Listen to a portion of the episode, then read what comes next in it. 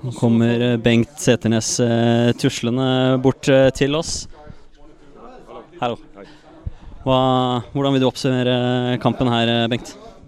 Nei, jeg syns Start fortjener å vinne. Det var jo De var best i første. Vi sto godt imot. og skårer på kontring, det vi for så vet vi at vi er gode på. Så um, hadde håpet vi skulle få enda litt flere kontringsmuligheter enn det vi gjorde. men uh, og så er planen at vi blir veldig baktunge. Vi har lyst til å komme høyere i banen. Klarer ikke det, og så skårer de ganske tidlig i andre omgang. Så fikk de jo litt trua, og så slipper de enkelt til inni der. altså. Litt, litt, for dårlig forsvarsspill, det må vi være ærlige på. Og så, og så trodde de vel kampen er kjørt der på 3-1, og så klarer vi å kneble et overtak litt i kampen og skape litt sjanser. Og så får vi en straffesituasjon der og får en straffe og et mål.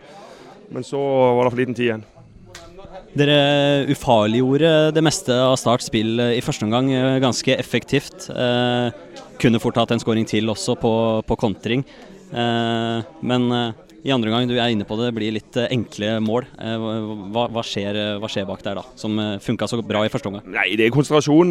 Vi, mister konsentrasjonen der i forsvarsspillet. og Da vet vi jo at de er farlige. Vi vet Ramsland kan skåre. Vi vet at han stuper inn i boks, og så, da må vi ta de ut. Så Hvis ikke blir det, blir det tøft. Så, så hadde jeg jo håpet vi skulle klart å skape litt mer enn vi gjorde da i andre, men eh, OK.